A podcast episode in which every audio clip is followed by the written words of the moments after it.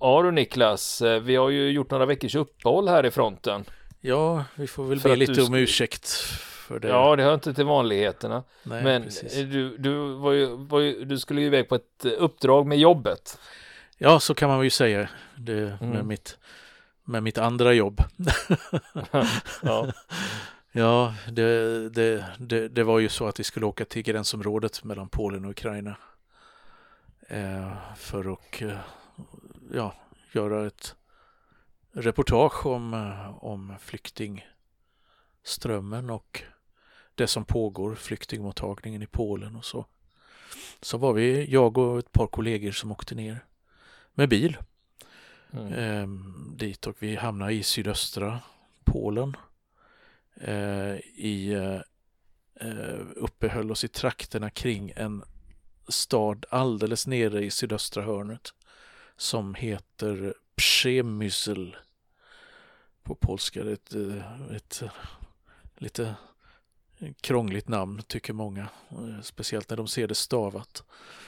Och ehm, där, där kring var vi större delen av tiden och ända framme då vid, vid den stora gränsstationen eh, vid en liten by som heter Medyka. Eh, Där, eh, där det pågick då väldigt mycket aktivitet när det gäller flyktingar. Det, det strömmade över gränsen konstant. Då, jag tror att under den tid, vi var där en dag framme vid, eh, vid eh, ända framme vid gränsen för att prata med människor och så vidare. Och det, det var ju tusentals människor. Jag, det det går, inte, går inte att föreställa sig liksom den här, den här strömmen med flyktingar som, som Var det svårt eh, att ta sig fram till gränsstationen? Nej, det var det inte alls. Det var ilands, ett ilandsproblem. Det var lite svårt att hitta parkeringsplats. Så kan man väl säga lite löjligt i sammanhanget låter det som. Men det var ju väldigt mycket människor som, både hjälparbetare som hade sina bilar runt om eh, i, där och eh, världspressen var där. Eh, allt från Japan till USA. Och eh, sen så var det ju också mycket, många civila, alltså både polacker och ukrainare som var där för att hämta flyktingar. Eh, Då egna, antingen, antingen någon man kände eller bara hjälpa någon att komma iväg någonstans. Var det, tra- gick- var det transport man hjälpte det till med då? Ja, en del hjälpte till med transporter på eget initiativ då. Och, men sen så gick det ju hela tiden eh, en organiserad busstrafik då. Man, man fyllde buss på buss på buss. Eh, för att kanske en buss var i kvarten typ eller när det var som mest intensivt då. Eh, som togs vidare till andra ställen i, runt om i Polen för, för mottagning då för att få någonstans att bo, tak över huvudet, mat och så vidare. Så att man måste säga att det var en otrolig organisation att se detta. Och även då när man stannar på stannar på eh, järnvägsstationer på andra, i andra städer i Polen. Då. Vi var framförallt i Wrocław, en stad i södra Polen, en stor stad. Den hette Breslau före 1945 eh, och låg då i Tyskland för de som är historiskt intresserade av den tiden. Och eh, där kunde man också se på eh, centralstationen då hur man hade med frivillig krafter till st- i största utsträckning byggt upp en mottagningsorganisation då därför att eh, eh, ja, staten gjorde väl inte så mycket själva liksom för att, för att hjälpa de här men med privata krafter och frivilliga organisationer och bara människor som hade dykt upp och ville hjälpa till så, så hade man organiserat då en jätteapparat kring det här då. Och, eh, och ja, det, var, det var till och med så att när vi, eh, när, när vi kom dit då, så stannade bilen utanför utanför eh, den här järnvägsstationen så kom en polis fram lite vänligt och frågade liksom, Jaha, är ni också här för att hämta flyktingar? Och ja, så att man, man förstod att det var, en stö- var, var mycket trafik och många som ville hjälpa till på olika sätt. Var det. Mm. För jag tänker, men för jag kommer ju själv ihåg 2015 flyktingmottagandet vi hade här i Sverige då. Ja, just det. För jag jobbar ju själv på en myndighet här i Sverige mm. som hade med det här att göra. Och eh, där var det just det där processen va. Just det där när man kommer till landet då ska du registreras och så ska du in i systemet och så ska du liksom få någon status då. Så ja. det liksom följde med det. det ja, sånt men, skedde också, gjorde det. Mm. Det, det. Det skedde också eh, att de blir förstås registrerade då när de kom. Och, och så. Mm. Men skedde man... det vid gränsen då, den här processen? Nej, eh, ja, eh, det har jag lite svårt att säga. Ja, det skedde väl någon slags, skedde ju någon slags kontroll vid gränsstationerna, men många hade ju inte fått med sig, har ju inte ens hunnit få med sig sitt pass eller, eller några identitetshandlingar, för många hade ju flytt liksom i, bara kunnat rafsa åt sig det närmaste en del. Vissa hade ju stora packade väskor. De hade haft lite mer tid på sig. Andra hade bara ett knyte och kom som de gick och stod ungefär som de hade mm. bara tagit kläderna närmast sängen du vet och sen varit tvungna att ge sig av i, i största hast. Mm. Så det var ju väldigt blandat och det, det var ju ja. mycket elände man såg naturligtvis.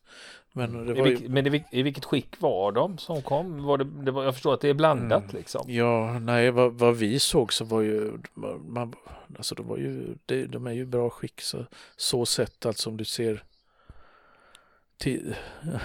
titta på människorna utanpå men när man, när man pratar med, med en del så insåg man ju att en del, de var ju traumatiserade.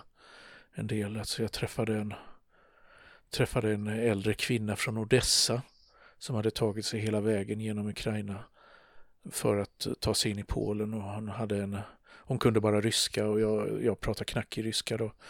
Så att vi, kunde kommunicera lite grann då och eh, vad jag förstod då var att hon, hon hade en son som som eh, bodde i Gdansk som hon skulle ta sig till då.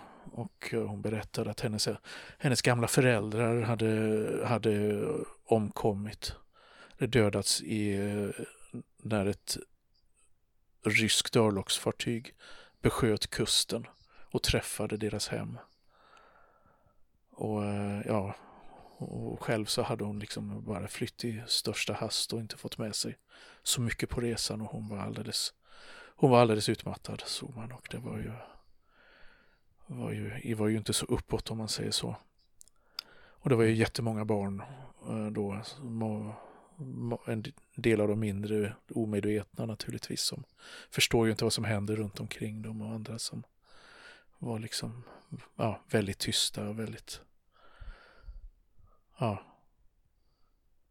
slutna i sig själva liksom i, i det här, den här situationen.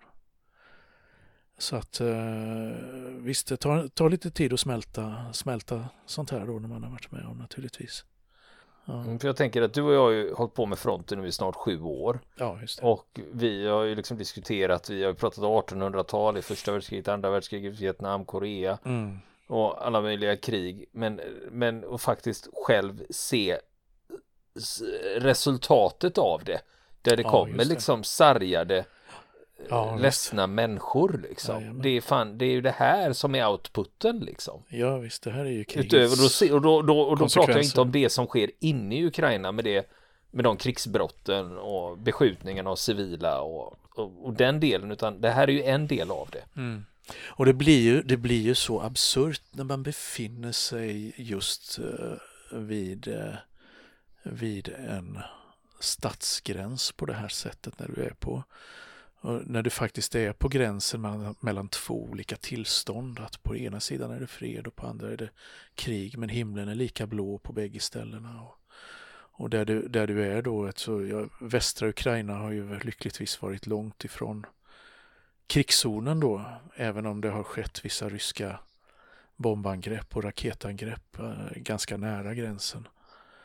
Så det, det, gör ju att det blir eh, absurt att hade inte, hade inte hade man inte sett den här flyktingströmmen så hade man ju inte fattat att det var krig på den här platsen. Hade man inte. Det, det blir ju absurt på något sätt. Eh, en sån sak när man, när man eh, eh med det som man förknippar med krig och så finns det inte där.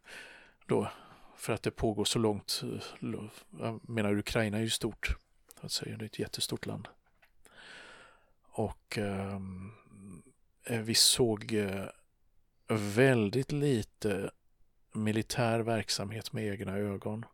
Även om vi var då i eh, just det här gränsområdet som verkligen är ganska är hett även ur NATO-synpunkt. Då. För, eh, för den här staden Przemysl som jag berättar om, den låg närmast gränsen. Den ligger ungefär en mil ifrån den polsk-ukrainska gränsen. Och nästa stad i något land då, där nere i hörnet, eh, den ligger tio mil i något land och heter Rzeszów. Och där ligger den stora amerikanska flygbasen i Polen. Där det pågår en hel del aktivitet just nu. Eh, ja, som är kopplat till, till NATO och eh, skyddsåtgärderna. NATO-sidan mot Östeuropa, för Östeuropas del då.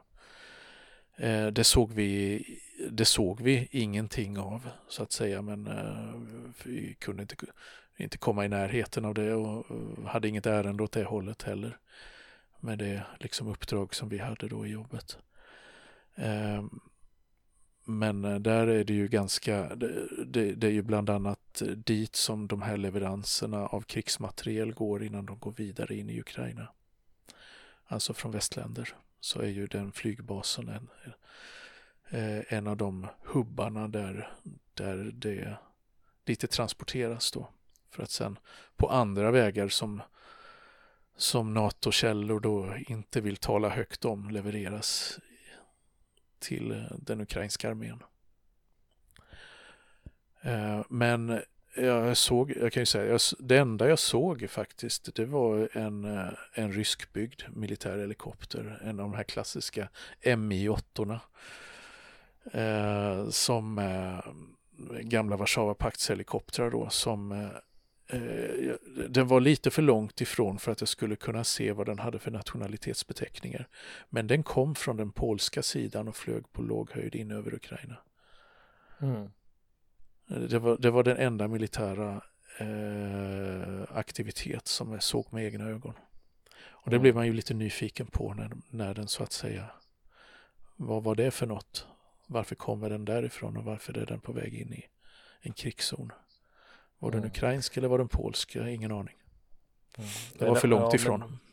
Ja, men den var ju väldigt vanlig i Warszawapakten. Ja, precis. Så det, den finns, ju, den finns mm. ju liksom i alla de här tidigare Warszawapaktsländerna mm. och i de forna Sovjetstaterna. Då, så att, mm. Eh, så att eh, ja, den kan ju ha kommit var som helst ifrån. Och vad den mm. hade för ärende, det kan man ju inte undvika att bli nyfiken på.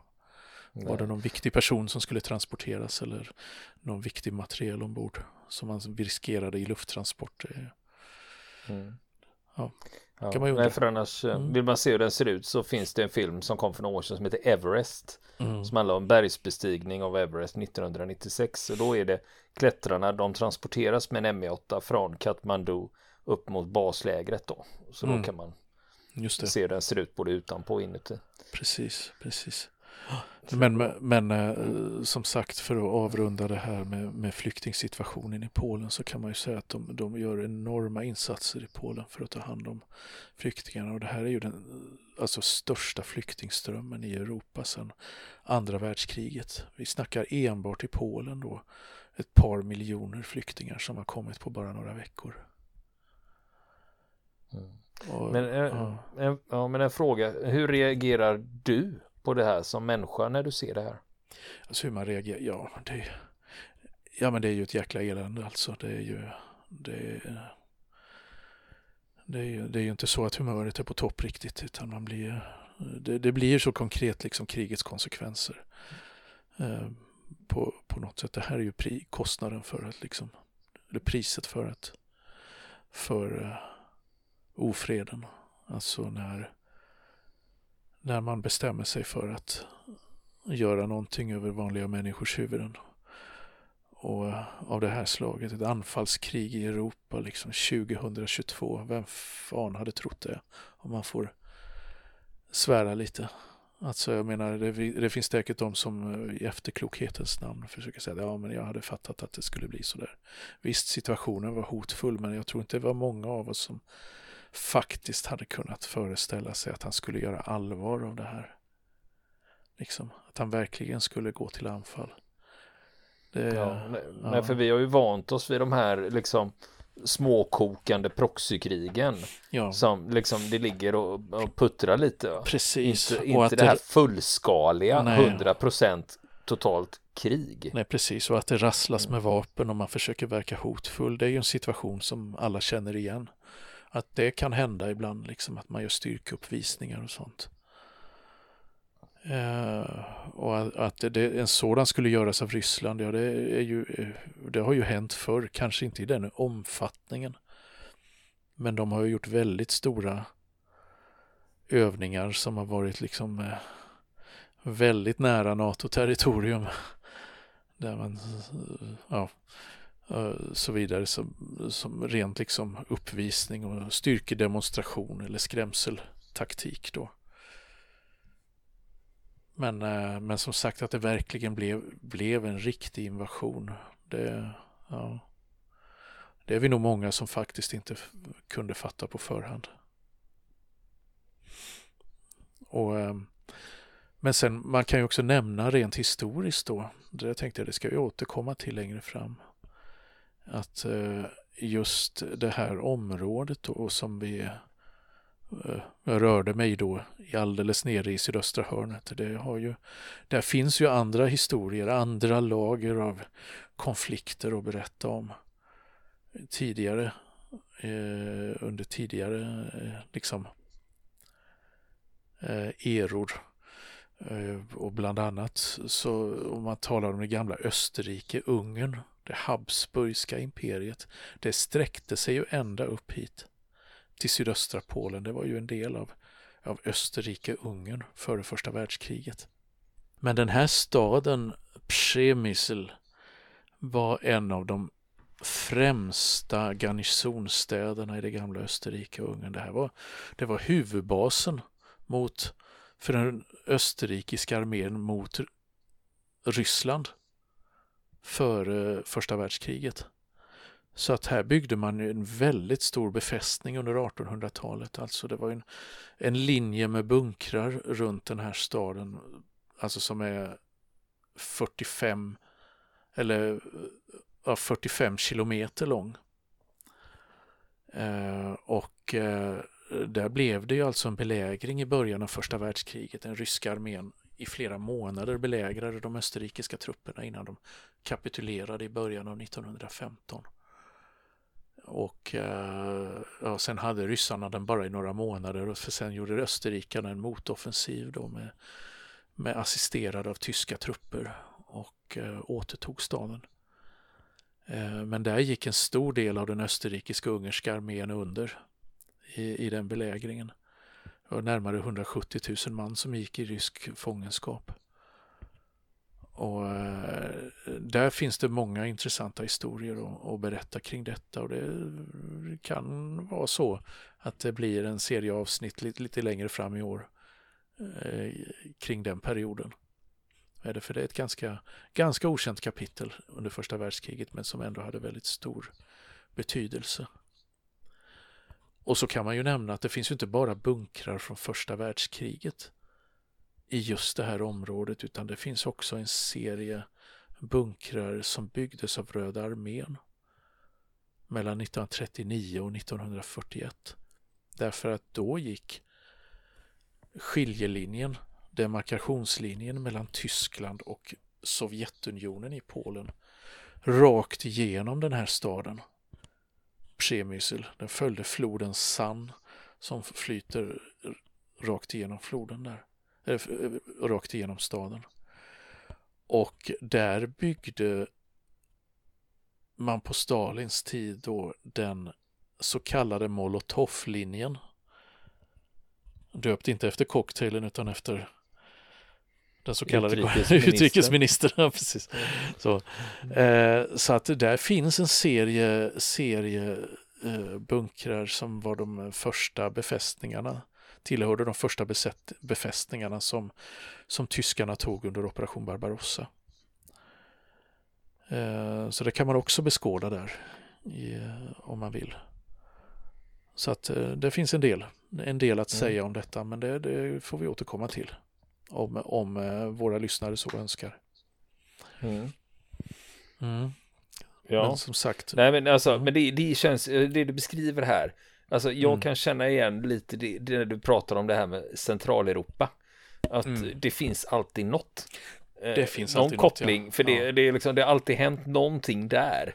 Eh, som då kan knytas till, eh, alltså det, ja. Europa har ju en väldigt spännande historia och det, ja, gud, ja. det, det finns ju alltid något liksom. Ja, det gör ju det. Mm.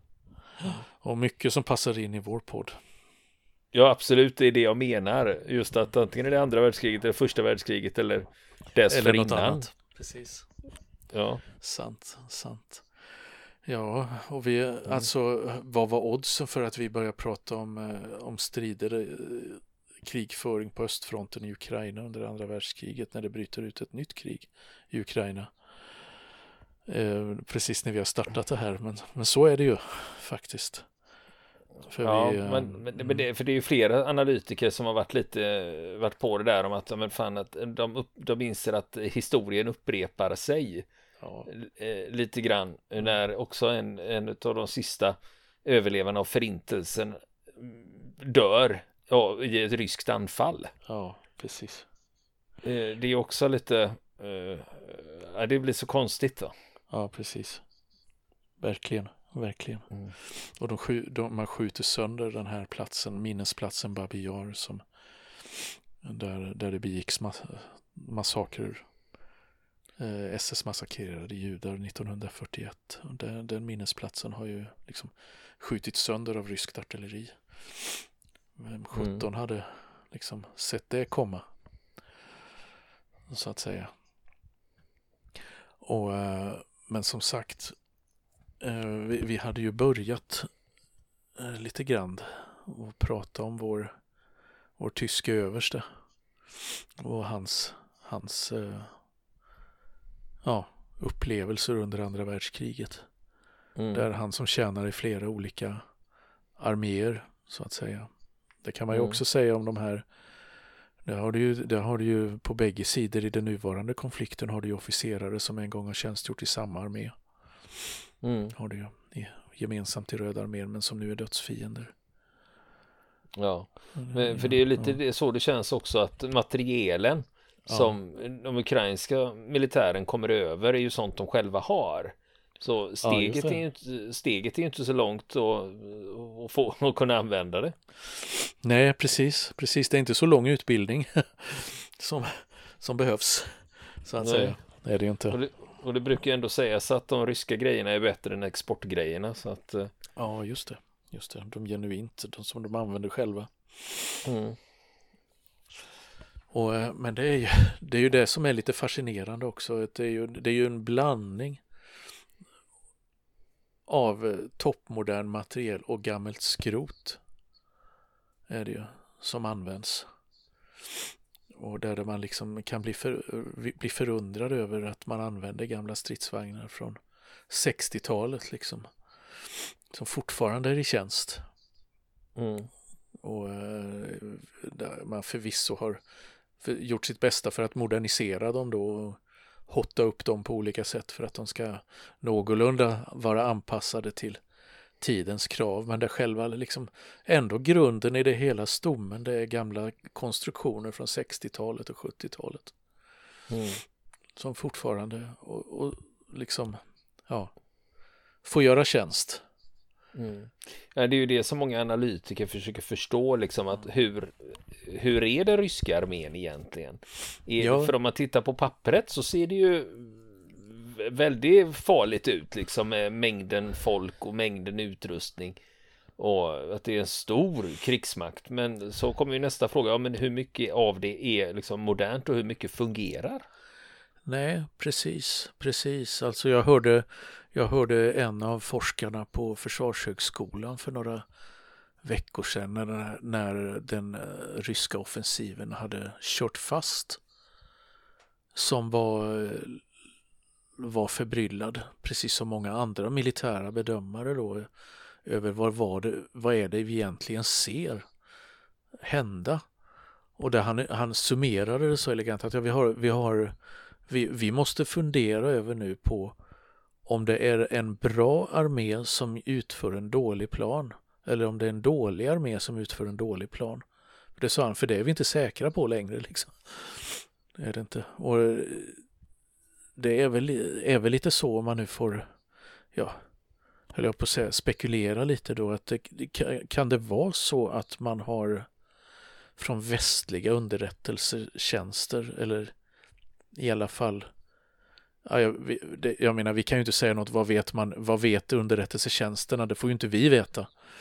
Eh, I alla fall, men det verkar ju ändå vara så att man på många håll har överskattat den ryska arméns förmåga eh, i flera avseenden. Och vad beror det på? Beror det på att man inte har haft varit intresserad av att ta reda på, alltså att man har haft fokus till exempel på andra håll, Mellanöstern till exempel, eh, och glömt bort Ryssland?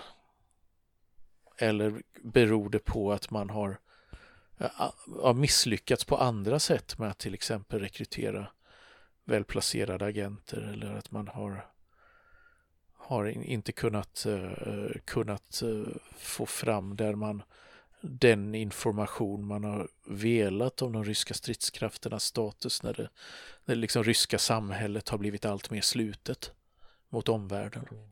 Det finns ju många sådana här frågor som liksom återstår att svara på nu.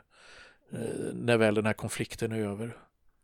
Mm. Att vad är det som hände liksom för att, och det verkar ju, inte bara de västliga källorna från västhåll verkar ha överskattat den ryska armén utan det verkar ju inte minst Kreml ha gjort också. Mm. För då, då blir jag direkt så jag börjar tänka så här, men vem tjänar på det? Ja, om en, underrätt, om en underrättelsetjänst i väst målar upp Rysslands armé som, ja men nu är den uppe på toppen igen, nu är de skitmånga, de är skitfarliga, de har ja. skitmycket grejer. Att ja. man har det för att liksom pusha sina egna politiker och satsa mer på försvaret. Ja, eh, precis. Om man nu ska, det kan man ju. om man nu ska vara konspiratorisk liksom. Ja, visst. Så att, men ja, det var en spekulation utan ja. någon som helst kunskap från min sida. Nej, nej visst. Så ja. det, det, det, det, finns ju alltid med eh, naturligtvis i potten att man kan mm. överdriva hotet för att uh, mm. expandera sin egen organisation.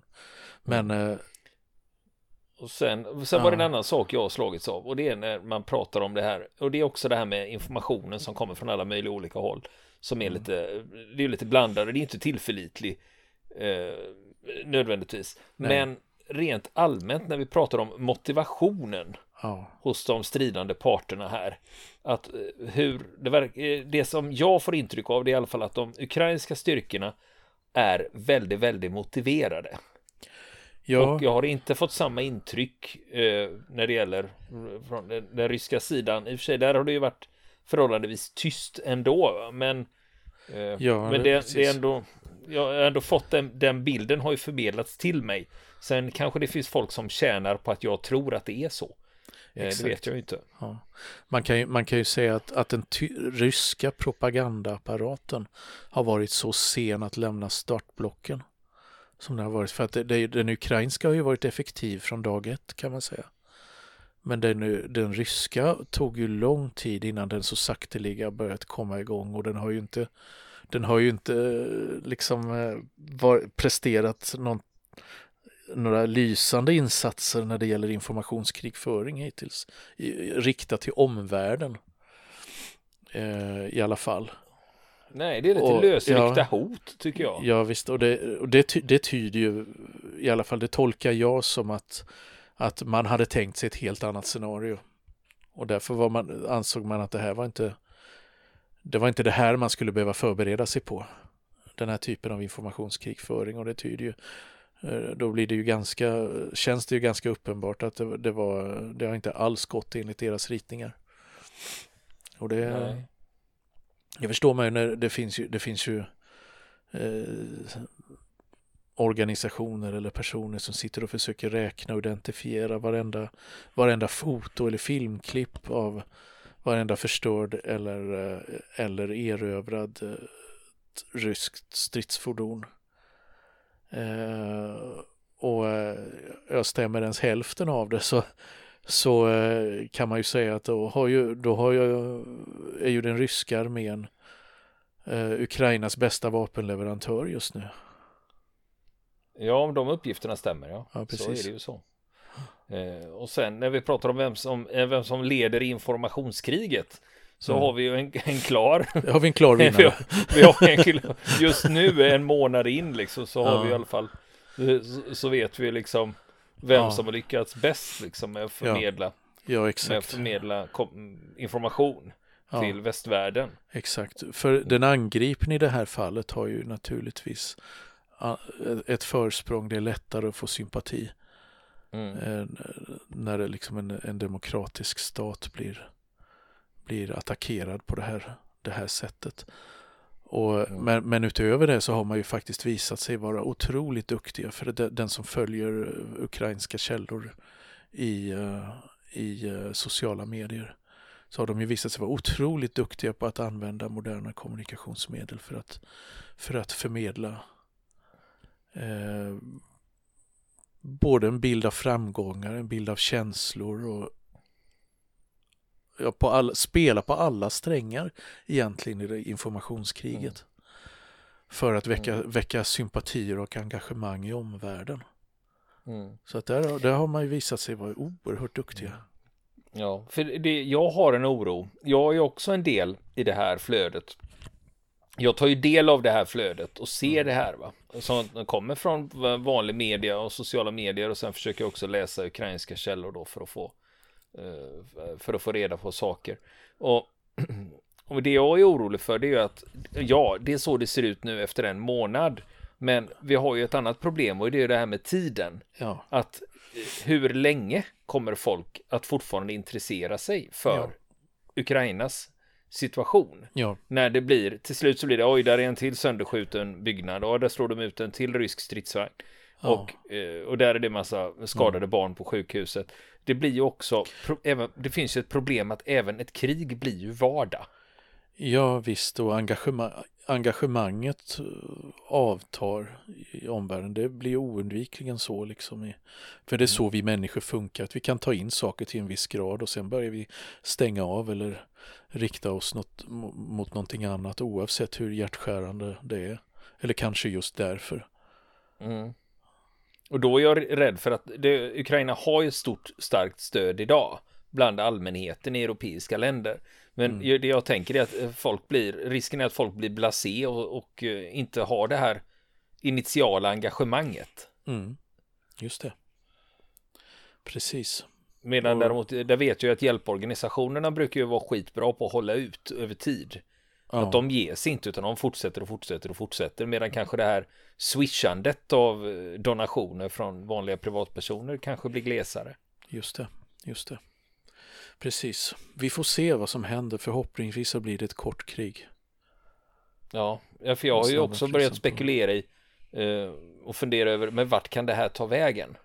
Vilka, vilka scenarier har vi?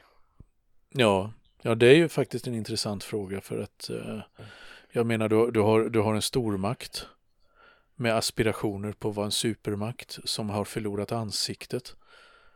Man har dragit ner brallorna på dem helt och hållet och visat sig vara inkompetenta. Eh, och som på något sätt behöver rädda ansiktet gentemot sin egen befolkning. Vad händer när eh, de, de soldater som överlevde kriget kommer hem och berättar sanningen för sina familjer? Hur länge kan man så att säga hålla locket på i Ryssland kring vad som verkligen hände i Ukraina? Ja, Det- till, slut, ja. till slut blir det för många kistor och liksäckar som kommer hem. Ja, Eh, Då blir det ju en fråga Ja. till slut. Att man liksom, men varför gör vi det här då? ja alltså för, är, precis alltså för det ryska samhällets del så är ju det här ett Afghanistan på steroider. ja, i antal stupade ja. Ja, exakt.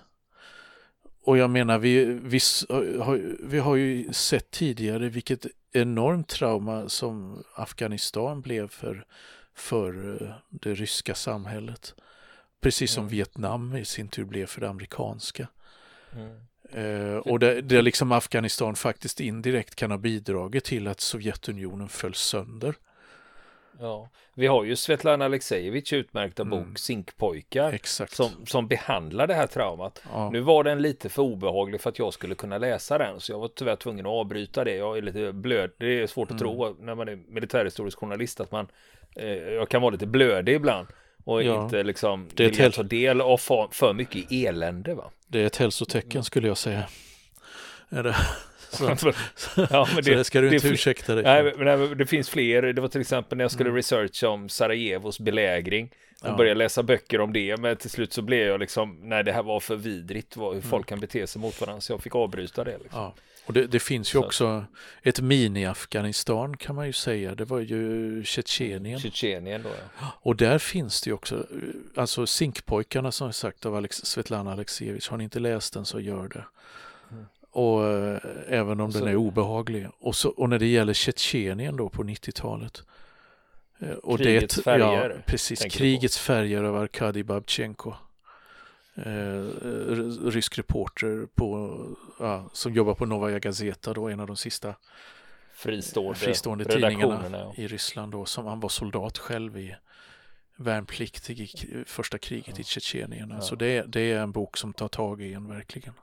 Men, men det jag ska berätta om krigets färger, det är ju det här med att där får man ju se hur ryska armén fungerar inifrån. Ja. Med, med penalism, det är våldtäkter, det är mobbing, det är misshandel. Det är ju sån jävla, det är alltså som de här amerikanska fängelsefilmerna. Ja. Det är liksom eh, mord. Alltså det är, mm. det är så jävla galet va. Ja, precis, precis. När du riskerar livhanken genom att göra värnplikt liksom. Ja, det är, det är vad man säger på ren svenska helt sinnessjukt liksom att det här mm. bara kan få fortsätta. Det här systemet. För det, det kommer ju ständigt vittnesmål om att det, det, är så här det ser ut om du är värnpliktig i Ryssland. Mm. Är det att du riskerar fan livet. Även när du inte skickas ut i ett krig som de här, eh, den här senaste omgången värnpliktiga har råkat ut för. Utan i en vanlig liksom, värnpliktsutbildning så riskerar du livet på ett helt annat sätt än du gör i de flesta andra arméer. Ja, nej, så den, men det, och där undrar jag just över den brutaliteten som präglade eh, ryska armén mm. då på 90-talet. Eh, att ha, hur, hur ser det ut idag? Det är ju ändå 25 mm, år sedan. Eh, Babchenkos bok utspelade sig 96 tror jag. Ja, det är väl eh, någonstans, det är någonstans där, eh, om det inte tidigare. Och då undrar jag hur, ja. hur mycket har den ryska armén förändrats i sin struktur och sin kultur? Eller ja. är det fortfarande det här eh, fruktansvärda beteendet liksom? Ja. ja. som kanske inte lockar fram det bästa hos människor liksom, som ska dra ut i krig. Liksom. Nej. Eh, ja, det är ju många sådana rimliga frågor man kan ställa sig. Är det. I alla fall för, uh, ja, vi får se helt enkelt. Får vi göra. Och ja. tänk, tänk, nu har vi inte kommit ett steg framåt med det vi egentligen skulle prata om. Nej. Vår kära, men, eh, kära överste Wilhelm Adam.